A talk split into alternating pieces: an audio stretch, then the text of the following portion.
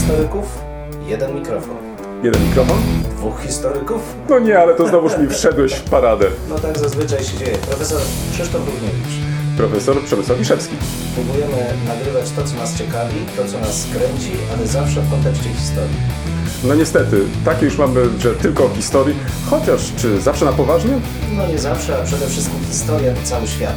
To nie tylko to, co minęło, ale też to, co jest teraz. Chcemy pokazać, że w historii można poznawać się w różny sposób. Zdecydowanie w różny sposób i nawet można się nią bawić. Państwo wszyscy widzą, że się uśmiechamy, więc my się też bawimy nieźle. Bardzo dobrze. Dwóch Liczymy na historyków, jeden mikrofon. Jeden mikrofon? Dwóch historyków. Dzień dobry koledze. Dzień dobry bardzo serdecznie Peregrinusowi, mojemu koledze. A, proszę Państwa, nie wiem, czy w, mm, w Państwu udziela się mój entuzjazm. Nie wiem, ale ja przede wszystkim trzeba zacząć od tego, że 100 lat, 100 lat, to żyje, dziękuję bardzo, tak. Kolega To jubilat, jeszcze także tak. trzeba mu zaśpiewać. Ale wiesz co, y, faktycznie obchodziłem, w, w, nie, nawet do końca nie obchodziłem, może tak. E, W ubiegłym tygodniu, ale co robi historyk? No, idzie po prostu na imprezę historyczną i w ten sposób obchodzi w go tam obchodzą. Wiesz co, y, w, no, y, w, do końca nie, nie, nie byłem, nie, nie, nie jestem pewien, czy powinienem y, o tym powiedzieć. Y, Sala była y, nabita po brzegi. E, Wiesz, na razie w, w, o, o tym nie będę się rozwodzić, bo, bo chcę o tym napisać. Natomiast em, spotkałem się em, z krytyką, ponieważ zabrałem głos. No. Zabrałem głos, ale krytyką, która była poniżej pasa, szczerze mówiąc, ponieważ wyobraź sobie, jeden z naszych byłych studentów, jak się y, przyznał, moich nawet, faktycznie pamiętam go z zajęć, wytknął mi, że mam ordery niemieckie. A to, ale Znaczy, to, to, była, tak, meryto, to była tak merytoryczna dyskusja. że mnie to wiesz. zaskoczyło dość. No ale... widzisz, no. E, Mnie to też, nie ukrywam, zaskoczyło. E, e, Już nawet nie miałem specjalnie okazji, bo w tym momencie faktycznie wkroczył organizator i próbował uspokoić tego rozentuzjazmowanego studenta. Ale czy on Byłego. używa niemieckich proszków? Bo to jest ciekawe pytanie wtedy. Wiesz, tego nie wiem. Natomiast To już nie zdążyłem powiedzieć, że jestem podwójnym krzyżakiem, żeby nie było wątpliwości. Więc mówię publicznie, przynajmniej wobec, proszę Państwa, jeżeli ktoś będzie używać tego argumentu, że mam ordery Tak, niemieckie, to proszę pamiętać, że mam także i polskie.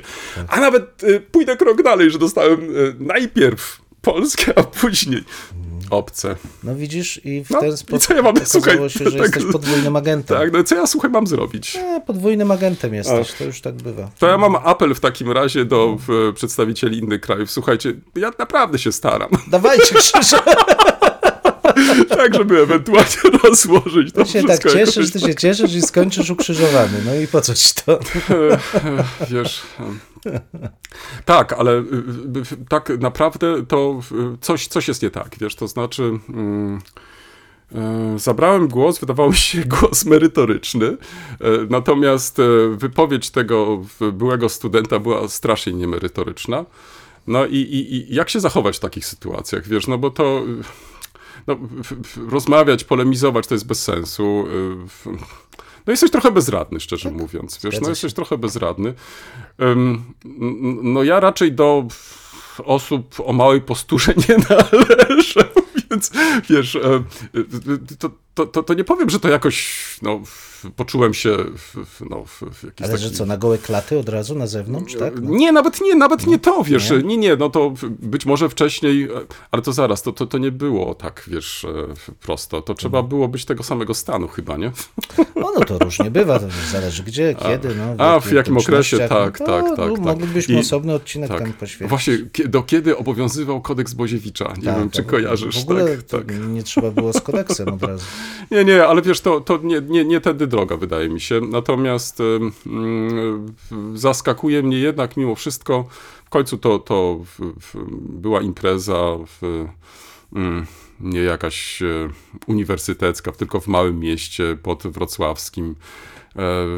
No i, i spotkać się z, z takimi uwagami. No, Sugerujesz, że na, na imprezach uniwersyteckich to już w ogóle Wiesz, nie, nie, ale, krzyże, nie, ale wiesz, ale nie, nie, to znaczy, wiesz, nie, wiesz, wiesz, wiesz na czym się złapałem? Mhm. Że, że jednak gdyby to było na przykład w sali e, uniwersyteckiej, to, to wiedziałbym jak zareagować, Mhm. wiesz, e, trochę pewniej się czuję jednak mimo wszystko.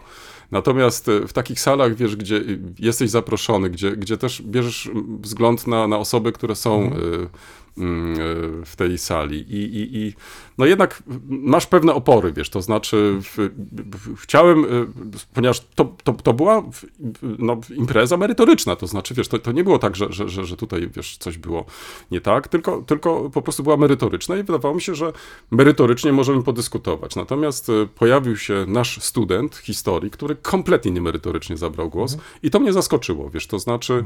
Mm, to, to jest takie trochę, trochę przytyk pod naszym adresem, wydaje mi się, że może powinniśmy jednak mimo wszystko zwracać uwagę e, na kulturę wypowiedzi, na kulturę dyskusji.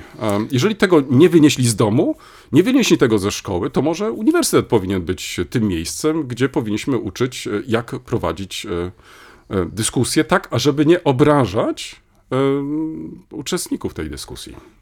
W pełni się z Tobą zgadzam, aczkolwiek jako doświadczający zupełnie w ubiegłym roku, zwłaszcza, ale nie tylko, zupełnie niemerytorycznej dyskusji naszych koleżanek i kolegów, uważam, że to nie jest. To po prostu czasy tak się zmieniły, że dopuszczalne są wypowiedzi, które kiedyś nie uchodziłyby.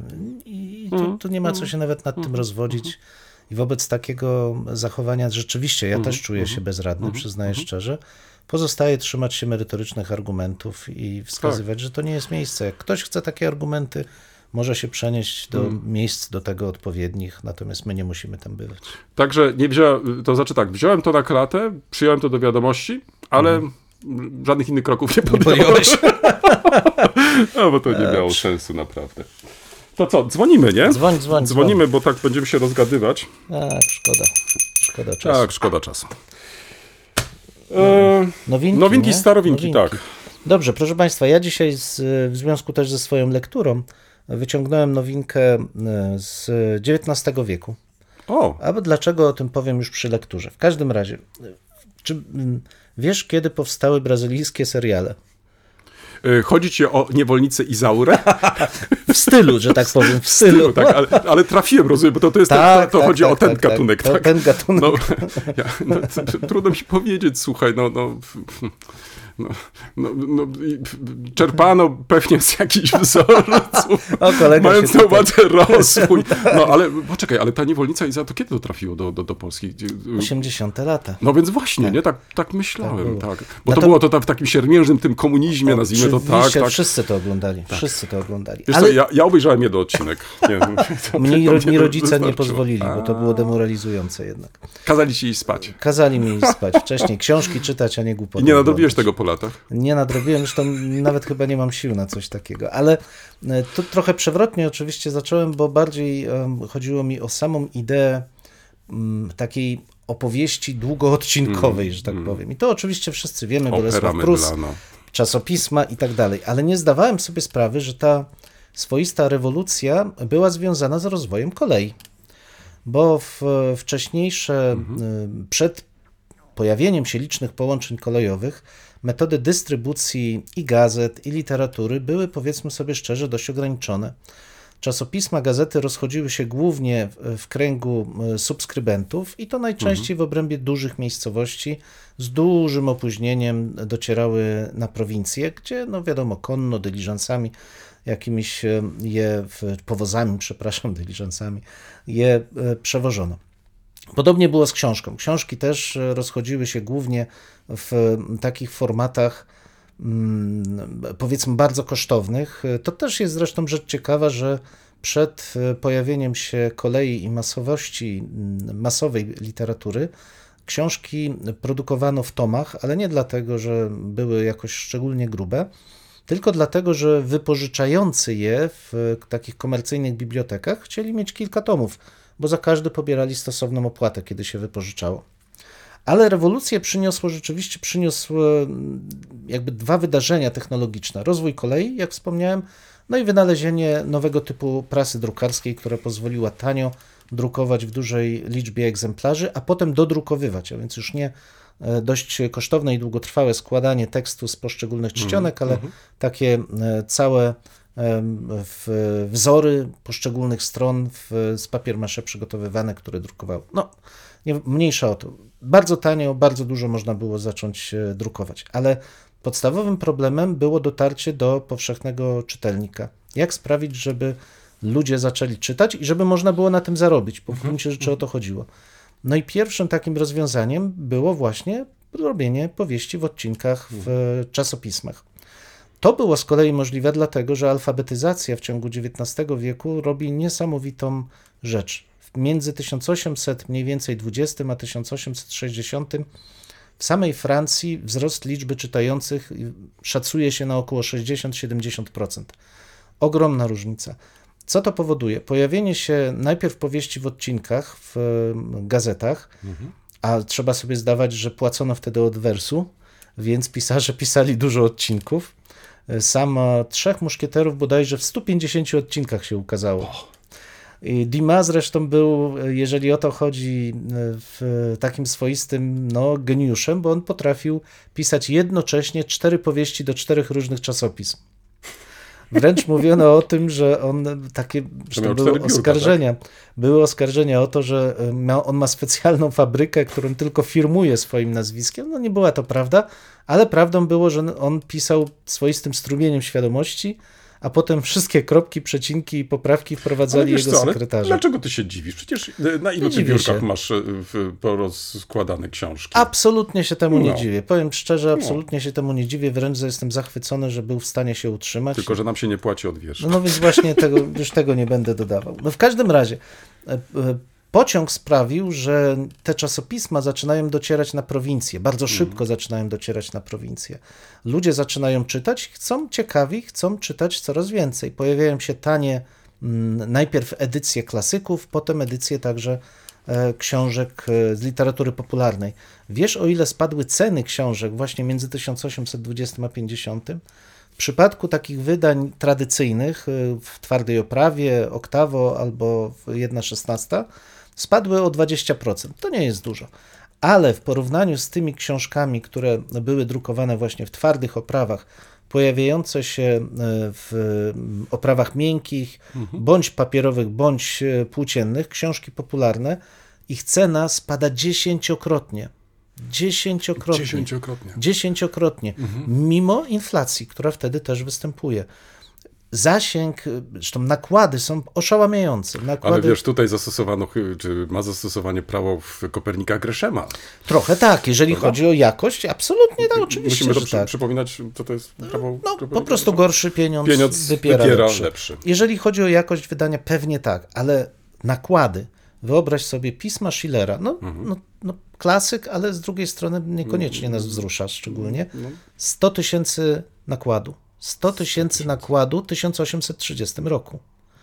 Nakłady tych popularnych e, serii, gdzie drukowano bądź klasyków, bądź tak zwaną powieść popularną, odkrytą właśnie wówczas, rozchodziły się w setkach tysięcy. Setkach tysięcy. Głównie Francja, oczywiście, ale także Niemcy i e, Wielka Brytania. Nakłady książek Balzaka czy Dima rozchodziły się w kilkunastu przekładach. Sam przekład to był chyba Dima, chyba hrabia Monte Cristo, jak dobrze pamiętam. Cztery angielskie przekłady. Nie jeden przekład wielokrotnie. Cztery angielskie przekłady. Co to pokazuje dla mnie? No, dla mnie pokazuje to oczywiście ogromną rewolucję e, informacyjną. Z przekąsem można by powiedzieć i załamać się, jak bardzo się cofnęliśmy, biorąc pod uwagę czytelnictwo. Ale to oczywiście jest trochę złudzenie, bo to, co e, wtedy było swoistym internetem tych czasów, czyli właśnie czasopisma, tanie książki, teraz jest w formie e, cyfrowej. No pozostaje pytanie o konsekwencje. Tutaj kolej i ten rozwój e, druku, rozwój czasopism i wydawnictw książkowych rzeczywiście stworzył jedną kulturę europejską. Rzeczywiście wzdłuż tych szlaków kolejowych powoli rośnie jedna wspólna kultura europejska z pewnymi ograniczeniami, o czym jeszcze powiem przy lekturze. Natomiast to, co oglądamy dzisiaj, jest chyba wstępem do globalizacji. Tak, tak się coraz bardziej to e, rysuje, ale jakie będą tego ostateczne konsekwencje, nie wiemy. Bardzo ciekawe. Mm, Wiesz, ja zastanawiałem się nad z kolei mm, em, moją nowinką, starowinką, no i w- tak sobie pomyślałem, że, że króciutko zrelacjonuję ci mm, moje, moje wrażenia w czasie pierwszego Dnia Muzeów. E, Po raz pierwszy zorganizowano taki dzień w Wielczu Laskowicach na dzień przed finałem e, 31 Pierwszego. tak, e, Orkiestry Świątecznej Pomocy, finału. E, I miasto, różne instytucje, różne stowarzyszenia świetnie się do tego przygotowały. I muszę powiedzieć, e, dlatego na początku powiedziałem, mam nadzieję, że udzieli się Państwu i Tobie mój entuzjazm, że to dzisiaj jakoś e, po prostu cały czas mam w pamięci te osoby, te miejsca, te rozmowy, bo to było jedno, jedno wielkie święto historii, tak bym to nazwał, no festiwal wręcz historyczny, bo po raz pierwszy tak się złożyło, że niektóre instytucje po prostu otwarły swoje wrota. I mogłeś po raz pierwszy zejść na przykład do podziemi i oglądać te podziemia. Mogłeś na przykład wejść do pałacu, który jeszcze do niedawna dla zwiedzających był zamknięty, nie mówiąc już o parku i tak dalej, i tak dalej. Tak więc ta oferta była przebogata. Em, no i zacznijmy może od y, tego, że mm, obejrzałem sobie bardzo dobrze park y, w Wielczu. Dzisiaj to jest miasto z dwóch części złożone, z Jelcza i Laskowic. W- Są dwa pałace też. Obejrzałem sobie pałac y, w Wielczu. Ten pałac wcześniej, y, w, czy, czy, czy poprzedni, ostatnim właścicielem, może tak będzie, była parafia świętej Elżbiety tutaj we Wrocławiu i od kilku lat ten pałac stał niezamieszkany, nie był używany. Podobnie było też i z parkiem. Zachował się bardzo ciekawy układ tego parku. To taki jest typowy park e, typu angielskiego. No ale widać, że e, ponieważ od kilku lat już tam nie robiono różnego rodzaju czyszczenia, także drzew, więc to wszystko zarasta i będzie potrzeba faktycznie jakiegoś takiego mocnego uderzenia w ten park, żeby go przywrócić do jakiegoś takiego sensownego stanu. No ale y, jest szansa, to znaczy okazuje się, że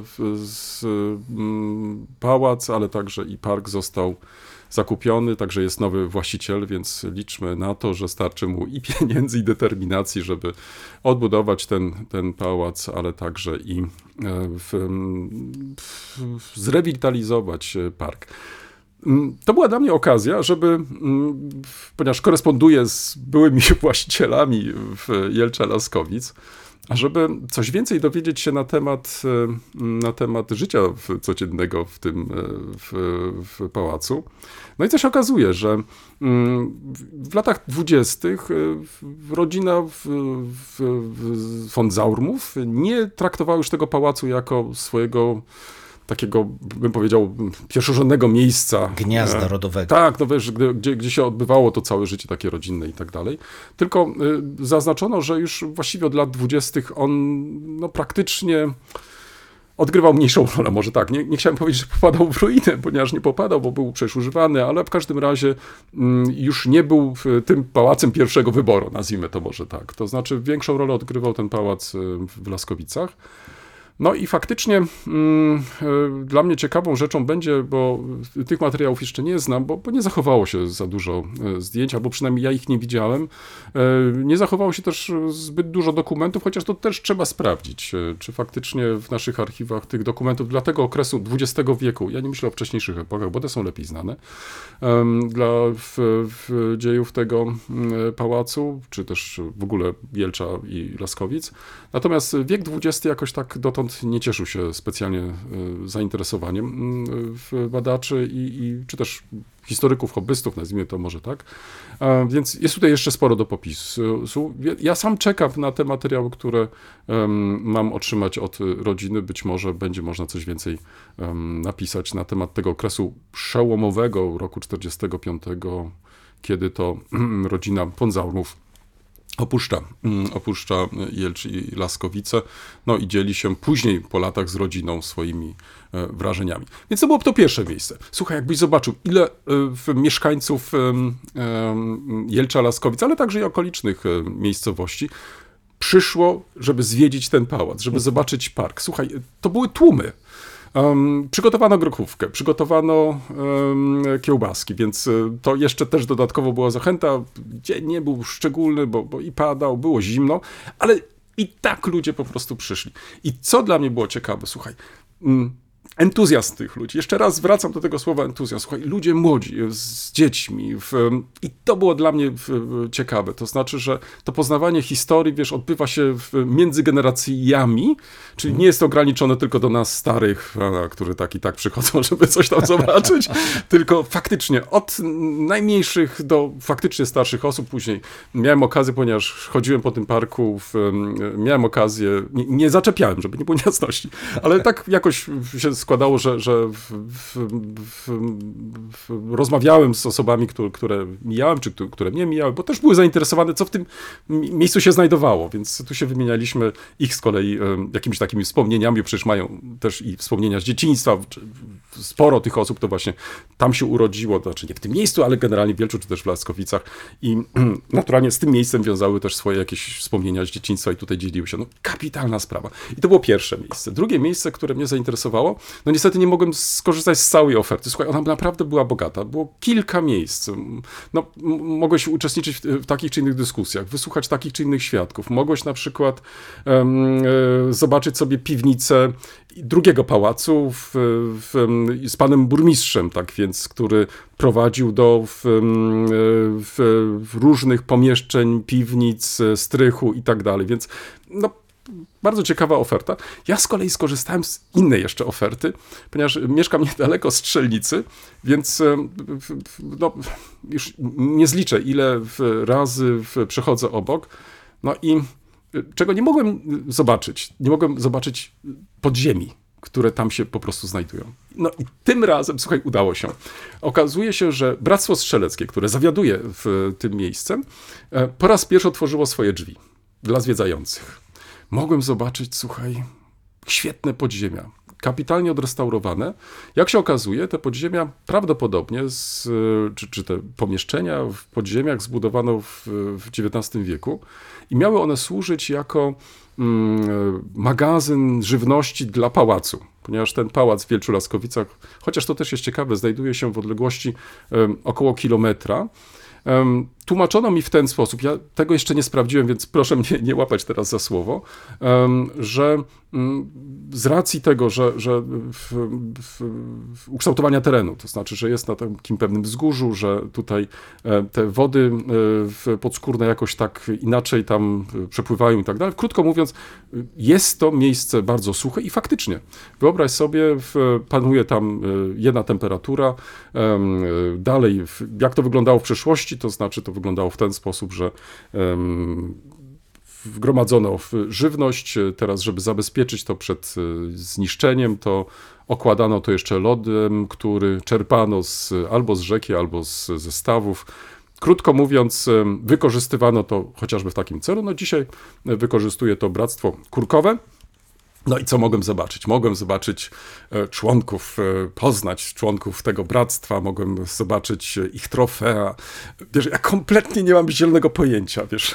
Jak to? Królem kurkowym nie zostałeś? Nie, no wręcz przeciwnie. O, Słuchaj, nie, nie. To znaczy, wiesz, nie, nie, nie, nawet nie to, nawet, nawet, wiesz, nie wziąłem do, do, do, do, do rąk broni, no bo jakoś, wiesz, to, to, to, to, dotąd nie miałem z tym do czynienia i jakoś nie, nie, nie spieszę się, ale widziałem z kolei wiesz, tą radość osób, które e, w, rozmawiały, które w, w, chciały, wiesz, ten, e, spróbować, które celowały do tarczy, no więc w ogóle kapitalna sprawa.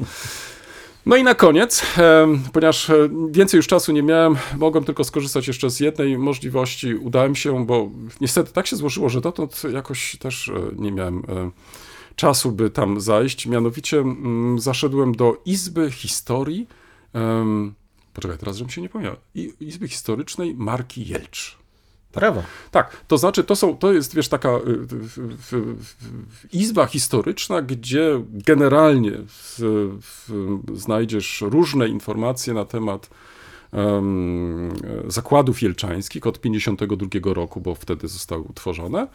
No i w różnych odsłonach, to znaczy, ja bym powiedział, że to jest taka bardzo tradycyjna wystawa, gdzie masz sporo takich plansz, sporo masz też witryn, gdzie umieszczono dyplomy, odznaczenia itd., itd., ale co na przykład mnie się podobało, to podobało się też to, że wprowadzono pewien taki e, układ, który jest bardzo ciekawy, to znaczy, że, że, że, że tutaj na przykład jak wypoczywali na przykład e, pracownicy tych zakładów. E, Dalej, na przykład jakie były relacje dalej, kiedy była kwestia opozycji, oporu, to też ten temat został szeroko potraktowany.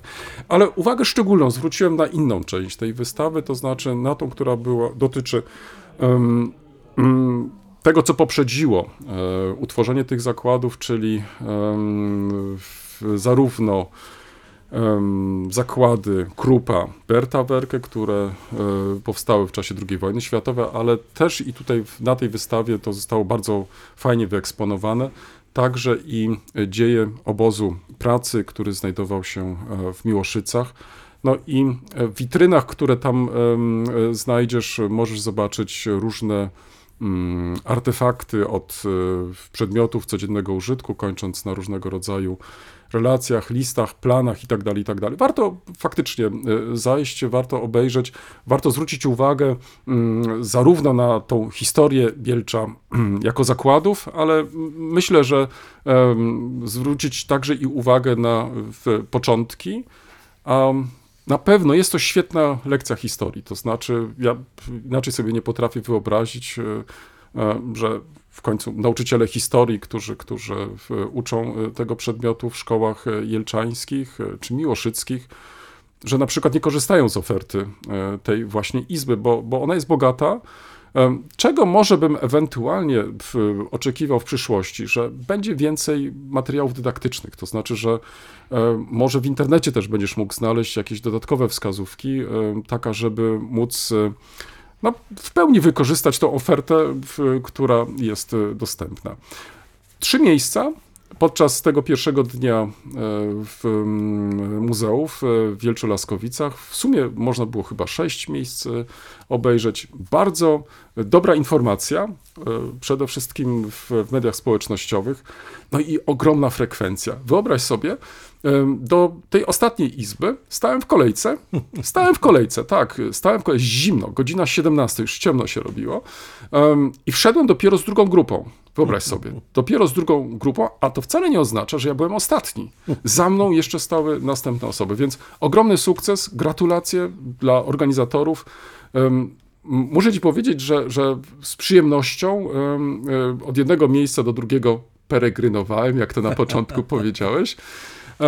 I widziałem, że e, to, to poznawanie historii e, jest takie bardzo naturalne. To znaczy, wiesz, że, że, że są osoby, które chcą coś więcej się dowiedzieć, szukają tego kontaktu. Ja nie wiem, czy to nie jest spowodowane też tym, że raz, że ta oferta faktycznie była ciekawa, a dwa, no, że chyba już wychodzimy z tej pandemii. To znaczy, że już coraz więcej osób no, chce się jednak spotykać, chce rozmawiać, chce się wymieniać i tak dalej. Nie będę ci opowiadać e, anegdot o Miłoszycach. Usłyszałem kilka, e, nie nadają się one na tutaj e, w naszą rozmowę. Jak je sprawdzę, to być może je przytoczę. Bardzo ciekawe. Wydaje mi się, że dzięki temu kolega dostanie odznakę taką, bo, bo jak do komposteli Kolejnego, muszla, kolejnego, powinieneś- kolejnego krzyża. Ja poproszę A, o kolejny krzyż. krzyż, nie? No bo w ramach e, pielgrzymowania zawsze były odznaki pielgrzymie. Wiesz, nie, nie, nie, już, już ci mówię, to znaczy, y, nie, można, dzieci mogły na przykład y, dostać y, w pieczątkę. Bardzo E, Później, następnego dnia, czyli podczas finału, mogły po prostu wygrać nagrodę. O, bardzo I zobacz, ale przecież to jest bardzo Mhm. fajny pomysł. Na przykład z tym spotkałem się na przykład w Wojsławicach, Mhm. gdzie też, nie wiem, czy sobie przypominasz, Tak y, od y, jednego, jakby to powiedzieć, um, miejsca do drugiego, bo to są różne, to nie tylko drzewa, to nie są tylko jakieś tam Altany, przedmioty. No więc właśnie. Domy y, ogrodnika. Tak. Idąc y, z, z tą taką mm, kartką, nie Mhm. wiem, książeczką, legitymacją, jak zwał, tak zwał, możesz sobie powbijać e, e, tak te pieczątki. A to bomba, to fajne jest, wiesz, i, i, i to mi się też podobało, czyli to zachęcało po prostu też dzieci do takiego aktywnego Mhm. uczestniczenia. Było ich sporo. Proste i skuteczne. Tak, Bardzo tak, dobrze. tak. Lektury. Tak, lektury ja dzisiaj mam jedną, w dodatku ku zgrozie kolegi w telefonie, ale rzeczy, razem w telefonie. Nawet komputera mu się nie chciało przynieść. no zimno, ślisko, ten nasz Tak, most tu tak, uniwersytecki jest przerażający, ale A, pada państwa, śnieg, pada pada śnieg. śnieg, tak, pada śnieg, jest ślisko, naprawdę. W każdym razie, Orlando Figes, um, Euro- Fights. Fa, f, A to ja, nie mówi się fights? A ja nie Figes? wiem, Fights. Figes, ale Figes. Figes. Figes. To nie jest to angielskie, to chyba, no nie, dobra, nie będę, Figes. No dobrze. Figa taka Figes. Europejczycy, początki kosmopolitycznej kultury. Ja jestem wielkim fanem XIX wieku. Uważam, że pomyliłem się trochę z e, swoim powołaniem, zajmując się średniowieczem.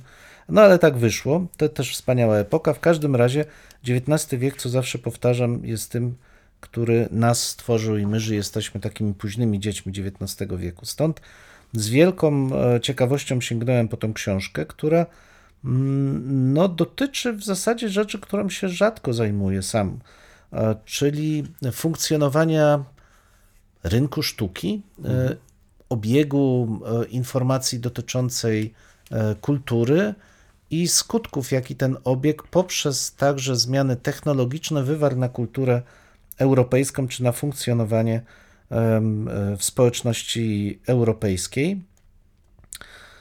I powiem szczerze, że jestem zachwycony. W wersji papierowej to książka duża, 608 stron, więc jest co czytać.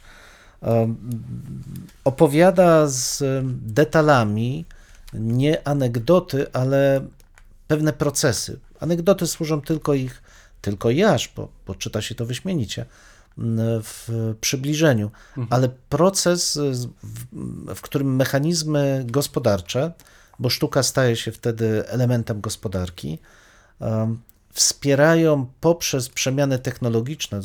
Mówiliśmy, wspomniałem wcześniej o tej e, kolei, ale to ty, tylko jeden z mechanizmów, bo to także, to także telegraf i wszystkie te metody e, umożliwiające przesyłanie informacji na odległość spajają powoli Europę, znaczy likwidują odrębności. E, Oczywiście to nie jest proces tak szybki, jak widzimy to w tej chwili, ale gdyby się jemu przyjrzeć, to wiele analogii moglibyśmy wskazać do tego procesu, który obserwujemy w skali globalnej, e, w skali globalnej e, dzisiaj. Autor jest sowietologiem, jak zdążyłem się Tak. przekonać. Może dlatego rozpoczynę od takiej wizji podróży śpiewaków operowych do Sankt Petersburga i tego, jak ta kultura włoska i francuska zadomawia się na, tych wschodnich krańcach ówczesnej Europy, czyli w kraju, w kraju carów. Ale będziemy mogli też obserwować te przemiany w perspektywie Stanów Zjednoczonych czy Meksyku. Krótko mówiąc, jest to co prawda historia kontynentu, ale rozumiana, e, rozumiana nieco szerzej. I to utowarowienie informacji, utowarowienie sztuki jest procesem, który budzi moją ogromną e, ciekawość, bo wspominałem o tych e, popularnych e, książkach, które pojawiają się w toku XIX wieku, ale tutaj jeszcze jednym takim przykładem hmm, upowszechnienia informacji może być kasus lokalnych czasopism, bo właśnie wiek XIX przynosi ogromny ich rozwój.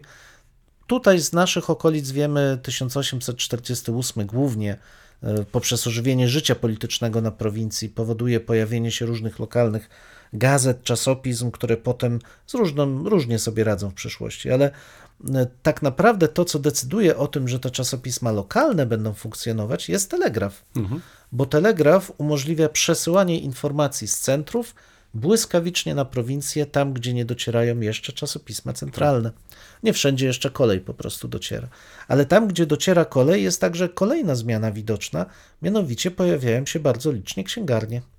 Coś, e, co wcześniej jest domeną raczej domokrążców, którzy sprzedają w dość ograniczonym zakresie te towary najbardziej chodliwe, almanachy, żywoty świętych, Biblie, pisma, zwią- pisma dewocyjne, teraz zmienia się w lokalne księgarnie, e, których liczba rośnie w zawrotnym tempie. To jest w ciągu dwóch dekad między latami 40. i 50. XIX wieku we Francji o 100% wzrasta liczba e, takich księgarni. One powodują dystrybucję tej treści już popularnej, ale jednak dużo bardziej zróżnicowanej, e, pisanej też w jednym wspólnym języku. Co też jest bardzo istotne, właśnie poprzez ówczesną alfabetyzację i popularną literaturę powoli zaczynają zanikać dialekty lokalne.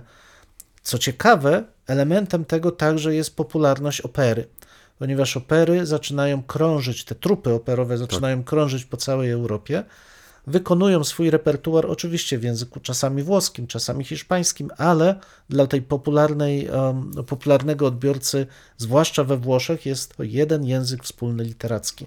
Dlatego też taką wielką uwagę przywiązywano do tego, że Włochy paradoksalnie opera zaczęła jednoczyć. Wiele różnych aspektów, proszę Państwa. Uważam, że książka jest e, przeciekawa, nawet jeżeli czasami mogę się zrzymać na pewne daleko posunięte uogólnienia, bo ta dość e, elegancka wizja jednoczącej się e, Europy średnio uwzględnia fakt, że to jednoczy się ta centralna część Europy, ten kor karoliński, Francja, Hiszpania jeszcze do pewnego stopnia, ale też jako peryferium występuje. Włochy też trochę peryferyjne, ale to jest głównie Niemcy, Francja i Wielka Brytania.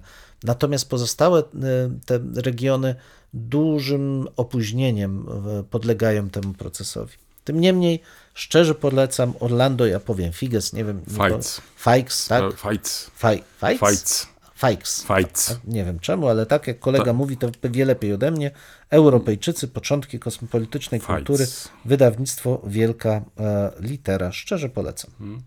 Em, Tu a propos jeszcze Orlando Fights, oczywiście to bardzo znany w- autor publikacji dotyczących e, historii Rosji, Związku Radzieckiego.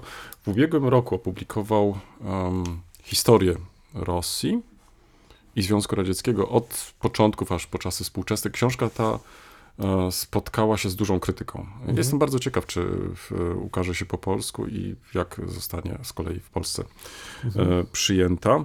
Mm, Natomiast ni- tak a propos jeszcze tego XIX wieku, ym, czy miałeś może czas i ochotę rzucić okiem na mm, historię XIX wieku, przeobrażenie świata w ym, Jürgena Osterhammela?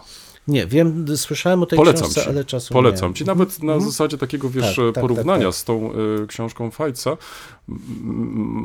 myślę, że nie będziesz zawiedziony. Super, już sobie Bo to notuję. jest faktycznie jedna z najlepszych prac i nie wiem, jakie jest tłumaczenie tej książki. Ja czy, czytałem w, w oryginale, ale, ale ona zrobiła na mnie duże wrażenie. To znaczy, o ile Rostworowskiego mógłbym wskazać dla XVIII wieku, to Osterhammela od razu dla XIX wieku.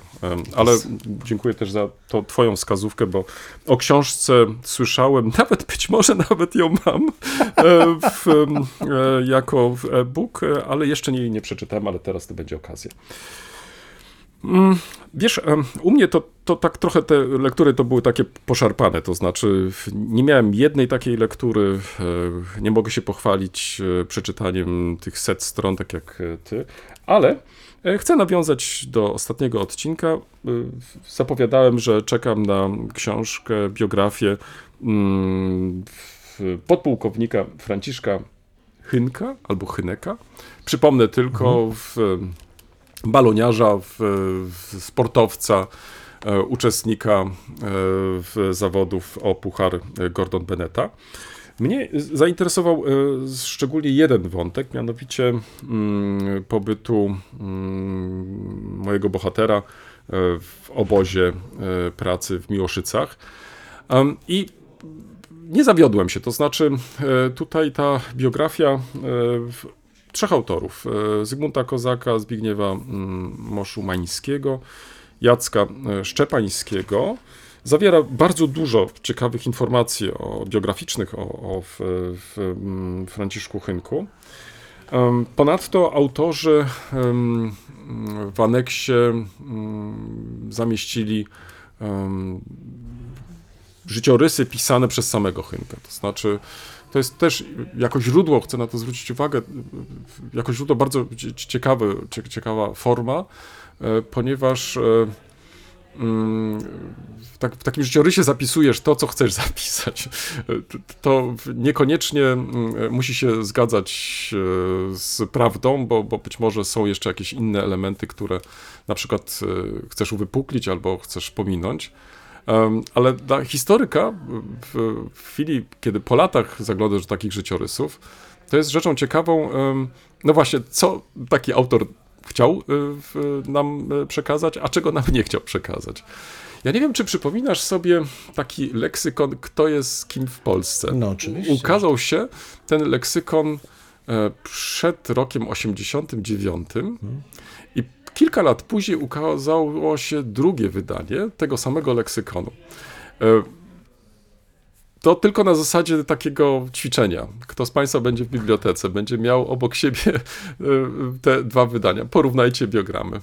Okaże się, że na przykład o niektórych e, w orderach zapomniano w wydaniu drugim. E, W wydaniu drugim na przykład już nie eksponowano w, em, członkostwa w takich czy innych organizacjach i tak dalej, i tak dalej. No jest to kapitalne źródło też do właśnie e, poznania tych zmian, w, w których jesteśmy uczestnikami.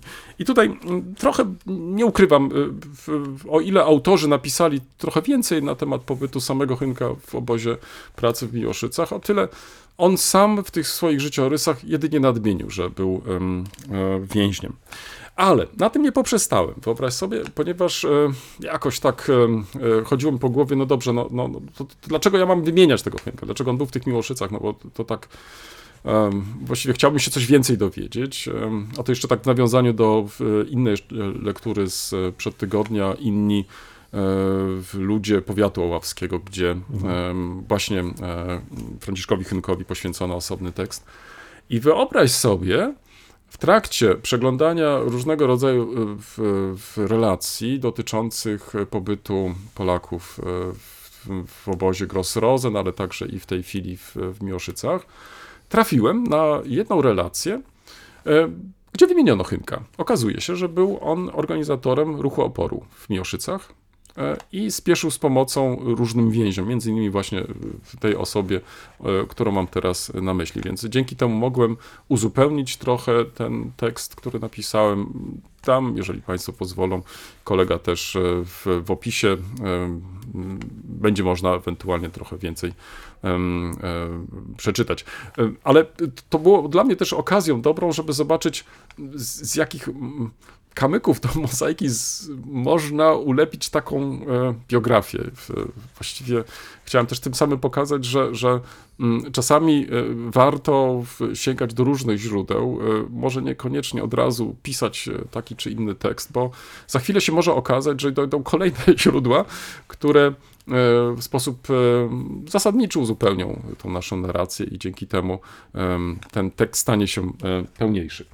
To byłaby ewentualnie pierwsza lektura. Druga lektura, kolego, no, znasz mnie już na tyle, że i Państwo również, że od czasu do czasu pojawiają się książki z fotografii. E, Nie może być inaczej. Książka, słuchaj, przez rok, przez rok e, czekałem, czekałem, aż w końcu e, będzie mnie stać na kupienie tej książki. Mianowicie chodzi tutaj o mm, inną biografię.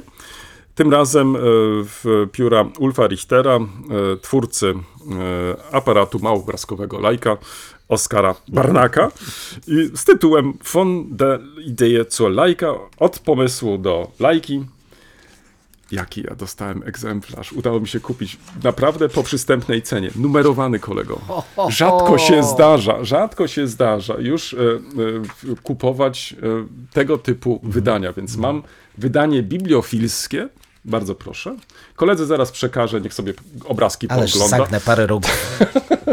ponieważ e, biografia w, jest przepięknie wydana pod względem edycyjnym. Jest to, wręcz bym powiedział, jeżeli ktoś z Państwa trzyma ten aparat w ręku, e, to, to, to ważna jest ta haptyka. To można tak powiedzieć po polsku? Haptyka, nie? Haptyka. Znaczy, że, że wiesz, trzymając, wiesz, już same zdjęcie, aparat same zdjęcie. I teraz, no inaczej nie mogło być też z tą biografią. Po prostu trzymając e, tą biografię w ręku, no, no, ta postać Barnaka nam po prostu wychodzi z tych kart.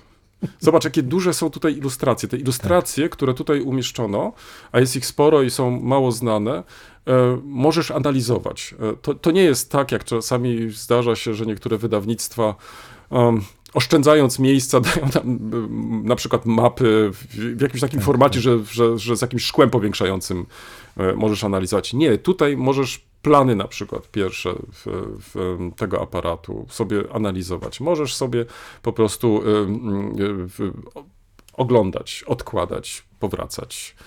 Biografia jest świetnie napisana, czyta się ją jednym tchem. Y, To, co mnie się bardzo podoba, to jest to równocześnie historia fotografii w pierwszej połowie XX wieku, bo na tym tle osadza mm, autor działalność swojego bohatera i jeszcze raz pokazuje, czy wykazuje też, jak rewolucyjny był to wynalazek, który zmienił praktycznie. Mm, użyję określenia, ale kolega się zaraz będzie śmiać. Oblicze fotografii. Tak. Dobrze. To Ulf Richter, Oskar Barnak, polecam.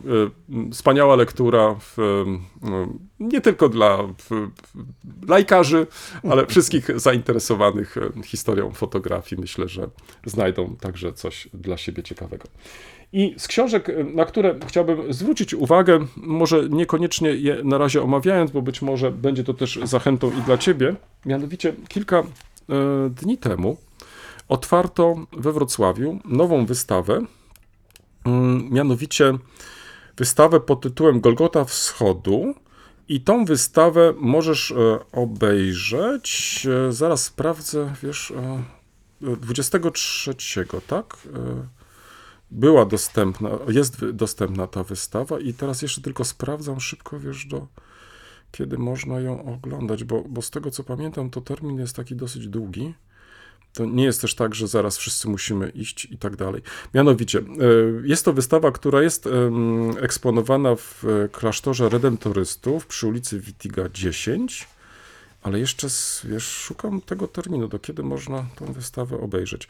Mm, Ach, nie wiem, czy tak szybko znajdę. E, Wiesz co? Tak, już mam. Do 30 września. Dlaczego o niej wspominam? Ponieważ em, mm, jest to problematyka, która wraca co jakiś czas e, em, i em, myślę, że to dobrze się dzieje, ponieważ e, jest to też część e, naszej historii, ale także i wielu mieszkańców, e, którzy po II wojnie światowej znaleźli się e, na Dolnym Śląsku e, czy we Wrocławiu. I dobrze się stało, że mm, ośrodek Pamięć i Przyszłość, o którym tak często wspominamy i którego publikacje od czasu do czasu przybliżamy, Tak prawda? jest. Także i tym razem e, nie tylko przygotował tą wystawę w ramach grantu norweskiego, tak? To chyba tak się to nazywa, nie? Grantu norweskiego i wystawie, co chcę od razu podkreślić, towarzyszy katalog. Katalog, który został napisany przez naszego kolegę instytutowego. To, to, to zawsze podkreślamy, że chwalimy się naszymi koleżankami i kolegami, bo w końcu... ich pracą. Tak, tak, tak, tak. Profesora Grzegorza Chryciuka. E, I muszę powiedzieć, że mm, także i ten katalog, e, mimo że e, lektura tego katalogu wcale nie jest taka prosta, oczywista, ale faktycznie w, mm, jest bardzo rzeczowo, rzeczowo opracowane, świetne ilustracje. Co być może warto też podkreślić, wersja, którą mam, jest e, trójjęzyczna. Polska, angielska i niemiecka. Tak się zastanawiam, wiesz, bo w końcu mamy sporo też uchodźców e, z Ukrainy. No ale jest anglojęzyczna, więc e, myślę, że też bez problemu będą mogli tą wystawę obejrzeć. Koledze przekazuję katalog. Bardzo dobrze się stało, że, że, że możemy nie tylko tą wystawę zobaczyć, ale także i mm, pogłębić sobie wiedzę o tej problematyce, sięgając em, po katalog. Odsyłam wszystkich, em, a przede wszystkim zachęcam do tego, żeby tą wystawę obejrzeć i o niej pisać, i o niej dyskutować, bo myślę, że warto.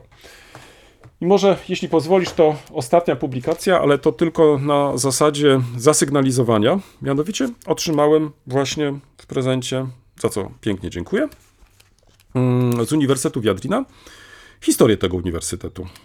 Ponieważ uniwersytet ten obchodził e, rocznicę swego istnienia, 30, jeśli się nie mylę. E, I książka, którą przygotowano w związku z tym, z, z, z, z, tą rocznicą, nie jest taka, bym powiedział, tuzinkowa. To nie jest jakiś kolejny opasły tom, e, tylko tak bym powiedział edytorsko, też pięknie wydana, z, z zakładką. Ale tytuł. Eine unmögliche Universität.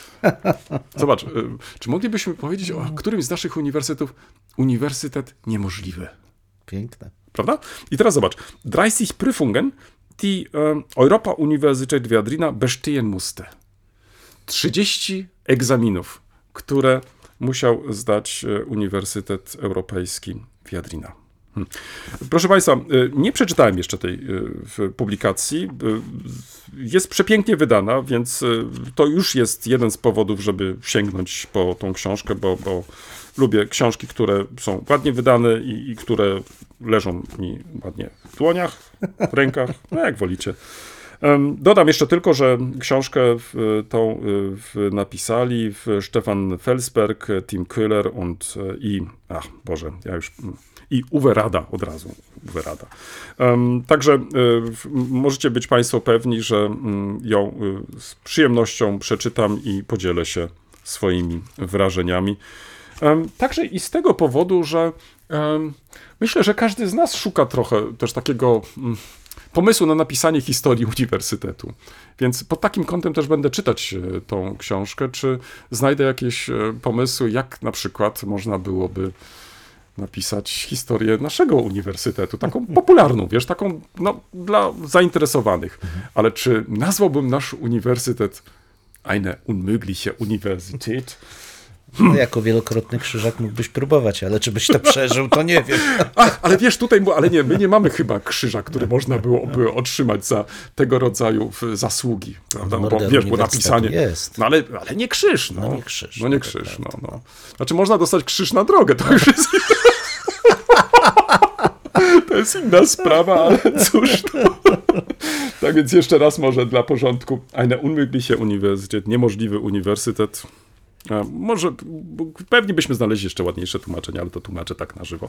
E, e, W 30 Prüfungen, die, die Europa Universität Viadrina bestehen musste, 30 egzaminów, które musiał zdać Uniwersytet Europejski Viadrina. E, Autorami Stefan Felsberg, Tim Köhler i Uwe Rada. Tyle, zamykam. Koniec. Zamykaj, tak. tak, dzwonię dalej. Wiesz, tyle jeszcze można byłoby dodać, ale już nie chcę zarzucać, bo, bo, bo, bo w, to, to, czasami się też, słuchaj, na tym łapie, że, że w, mm, y, może lepiej skoncentrować się na, na jednej rzeczy i ją może dokładnie omówić, niż, niż tak, wiesz, y, wrzucać... Nie, tak, to wszystko ma to swój urok. Wszystko ma swój urok. Kolega tutaj jest po, nie tylko polihistorem, ale i, i polilibrorem. Że...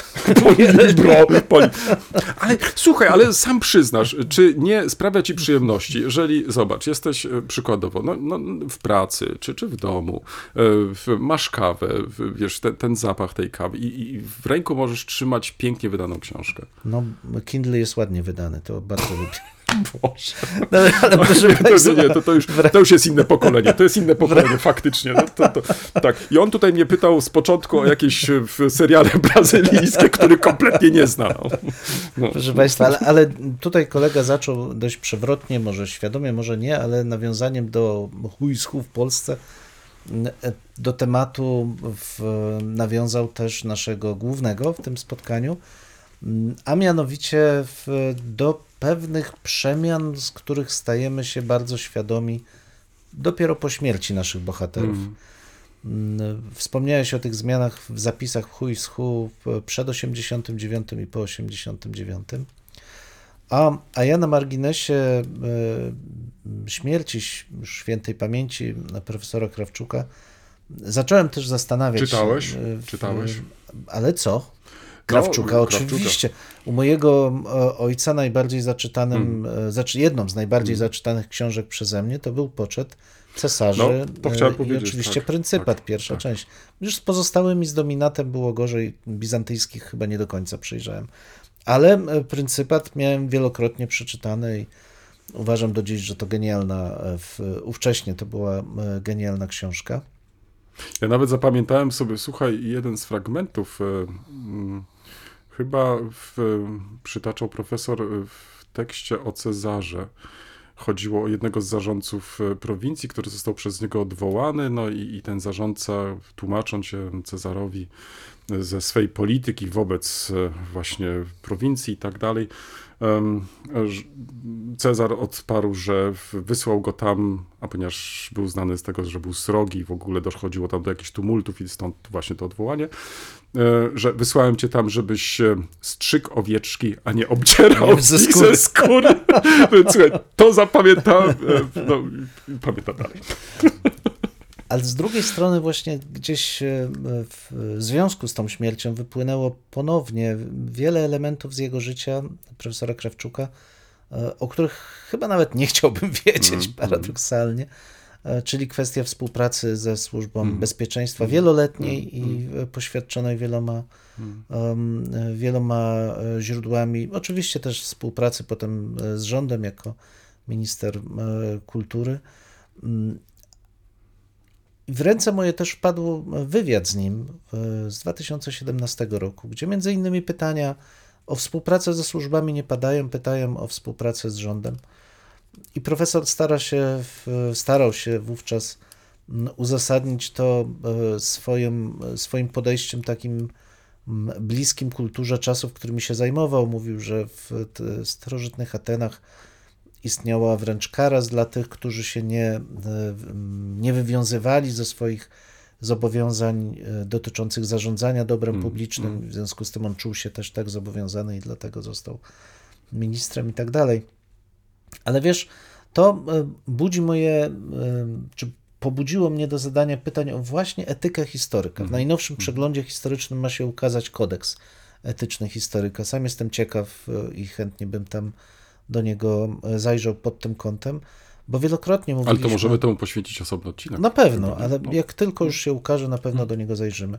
Bo zastanawiałem się właśnie nad tą relacją między no, wielkim, dla mnie mimo wszystko wielkim historykiem, popularyzatorem na pewno. Nie jestem w stanie ocenić, jak wpłynęły jego badania na tą sferę taką e, merytoryczną badań starożytnych. Nie wiem. Dla popularyzacji historii starożytnej w Zrobił Polsce bardzo dużo. W latach 80., 70., 90. chyba nikt więcej nie był w stanie, e, nie był w stanie zrobić. No i teraz jak ocenić Poza działalność profesorem takiego- Kotulą, wyobraź sobie. Tak. I pamiętaj, No, jego naszym kolegom. tajemnicze pamiętniki. Ale w każdym razie jak, jak ocenić e, e, taką osobę? Jak podejść do jej, do jej twórczości? Przyznam ci się, że trochę jestem bezradny. Znaczy wiesz, no tutaj poruszyłeś wie, wiele wątków. To znaczy tak, z jednej strony to jest też i tak, że, że o zmarłych osobach nie powinno się mówić źle. I ja myślę, że, że tą zasadę powinniśmy też w jakiś sposób stosować. To znaczy em, trudno dzisiaj będzie rozmawiać o takich czy innych wyborach e, w, profesora, nie mając możliwości reakcji z jego strony. Oczywiście. Także ten moment... On jest tylko e, przykładem. tak, to znaczy ten, ten moment, e, czy też e, tą możliwość, którą mieliśmy, dzisiaj już tej możliwości nie mamy, Mhm. więc to jest pierwsza taka moja uwaga. Druga uwaga, oczywiście pozostaje jego biografia, jego życiorys i, i, i jego twórczość. Ja myślę, że, że chyba naszym zadaniem, jako historyku, przynajmniej tak, tak to rozumiem, no raczej jest e, zrozumienie, to znaczy przedstawienie, e, Mhm. natomiast nie ocena. To, to, to nie jest naszym zadaniem.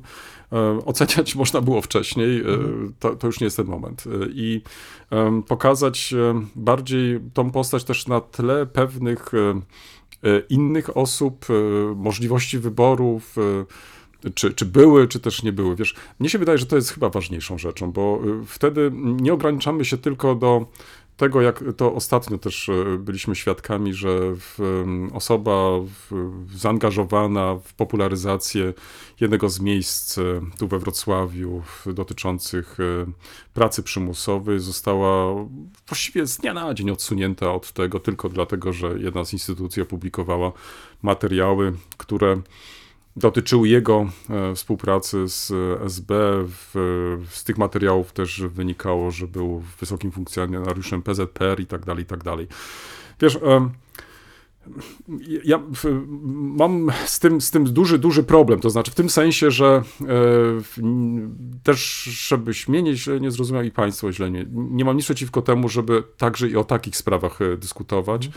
Tylko mm, y, powinniśmy to robić y, w konkretnym czasie, to znaczy w, nie mając y, albo nie stojąc przed różnymi decyzjami, które mogą być, nawet jeżeli mamy dobre intencje, mogą być po prostu różnie interpretowane.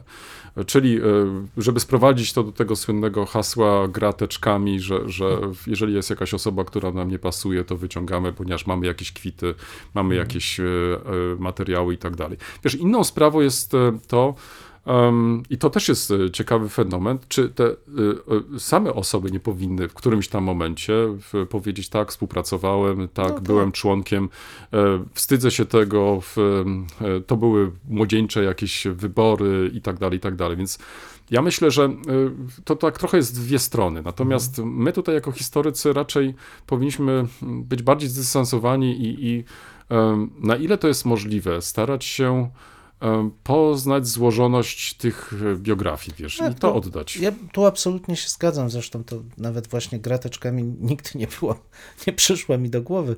Paradoksalnie właśnie w obliczu śmierci danej Hmm. osoby no, łatwiej jest rozmawiać o całej jego biografii, bo nie szkodzimy jakby już tej Mm, osobie, tej, tak jak moglibyśmy, rozmawiając o tym wcześniej. Natomiast tutaj bardziej dla mnie istotne było, byłaby taka refleksja szersza dotycząca kształtowania obrazu przeszłości, Mm. bo wiesz, mamy cały czas, tak przynajmniej mi się wydaje, jako jedno z naszych zobowiązań, obiektywizm i w, mm, poddanie się tym rygorom warsztatowym. To już zmierzanie powodują- do.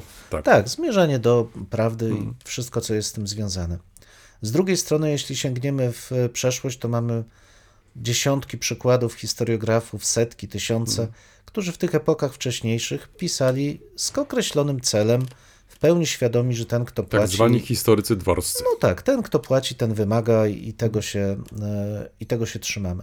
Ale tutaj nam się te granice zaczynają zacierać. To znaczy, w którym momencie, bo wielokrotnie już o tym rozmawialiśmy, ale ten okres e, powojenny jest bardzo ciekawy.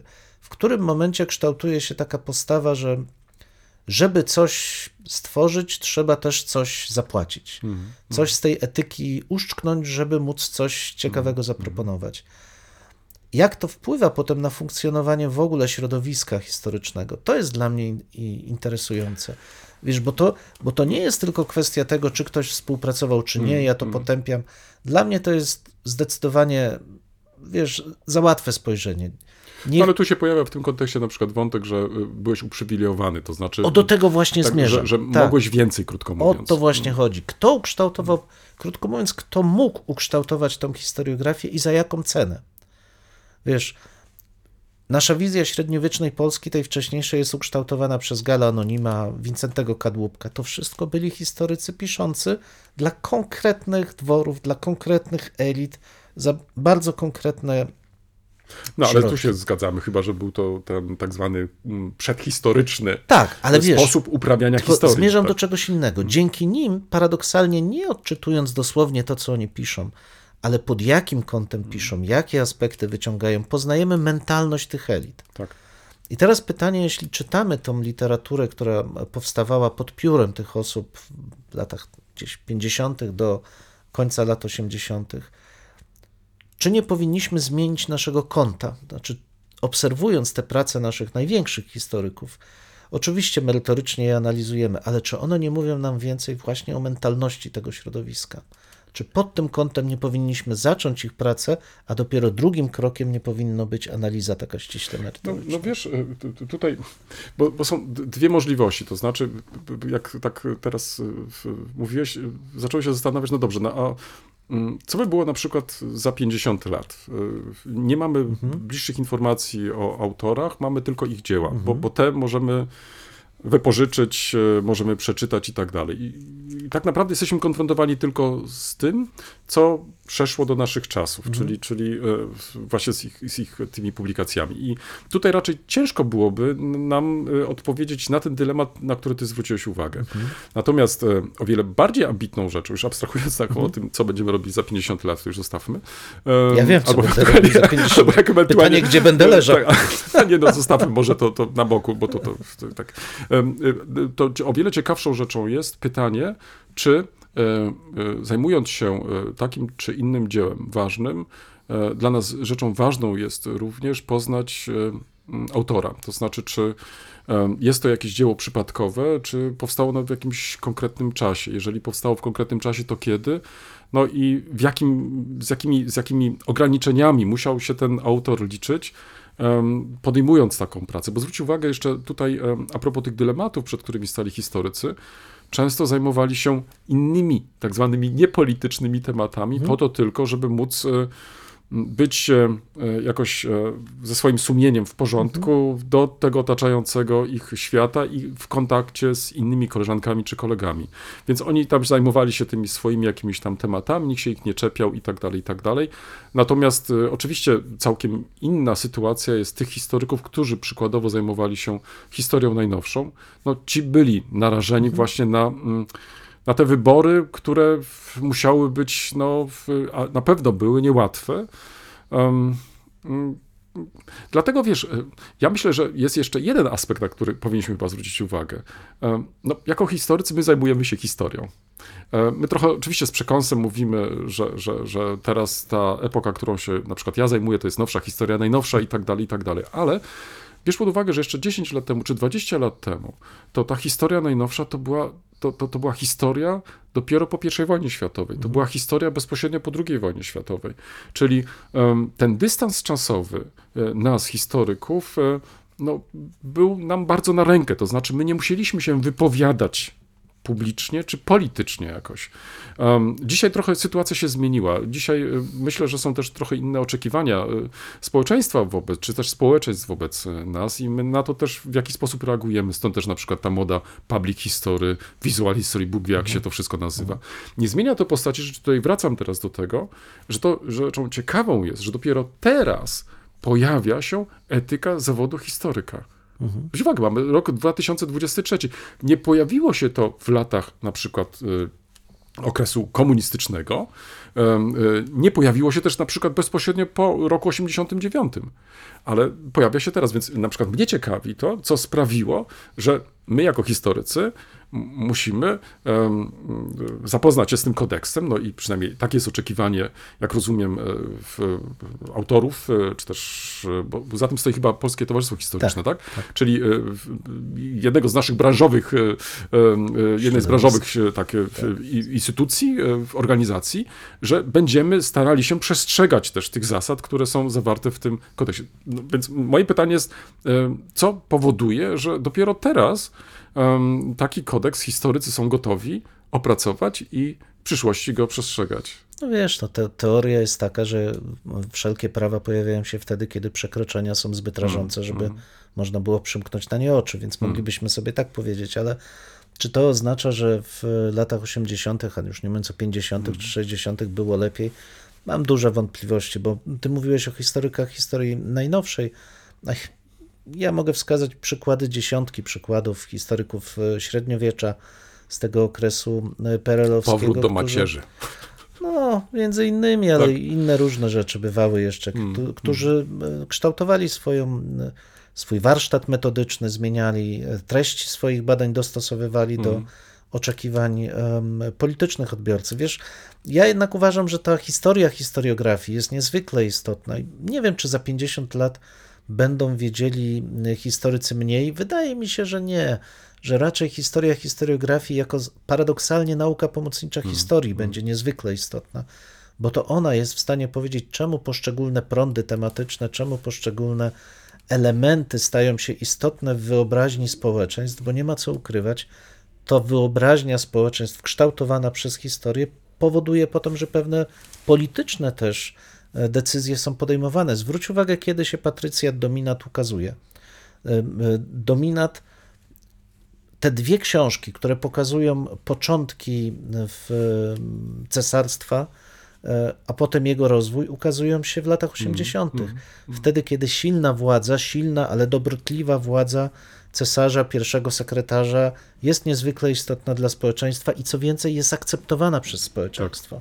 Więc tutaj jakby ja uważam, że jeśli zajmujemy się w ogóle spojrzeniem i staramy się korzystać z tego dorobku historyków, ta wiedza o uwarunkowaniach, też politycznych, staje się niezbędna, że jest to jeden z elementów takiej heurystyki przekazu No tak, historycznego. Jak najbardziej. Znaczy, ja myślę, że i tutaj pełna zgoda, że bez poznania e, tła dla powstania takich czy innych publikacji, no trudno jest zrozumieć e, także ten sposób e, argumentacji e, autora czy też autorów. E, I myślę, że to jest e, po prostu konieczne. Stąd też z naszej strony zachęta, żeby nie tylko czytać dzieła, ale także zwracać baczniejszą uwagę także i na ich autorów, na, na ich powody, bo nie zawsze te powody poznasz czytając wstępy czy też zakończenia.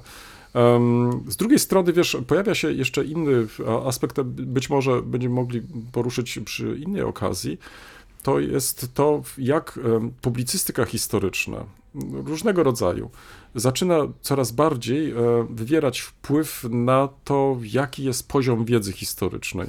Czyli to już nie praca naukowa, my tutaj mówimy teraz o, o w- naszej pracy, pracy naukowej, o publikacjach naukowych, pewnej weryfikal, weryfikalności, ja do- domyślam się, że także i w tej etyce historyka jest tam sporo na ten temat, Em, e, w, czyli sprawdzalności też. e, Natomiast tutaj, jeżeli uwzględnimy inny sposób e, uprawiania historii, chociażby w postaci tej publicystyki historycznej, no to tutaj te kryteria są już trochę, trochę inne. I, i w, myślę, że, że, że to, to też jest warte w podjęcia zastanowienia, bo em, wpływ polityki na takie czy inne wybory w tych właśnie publicystów są o wiele bardziej tutaj widoczne niż w naszych e, pracach.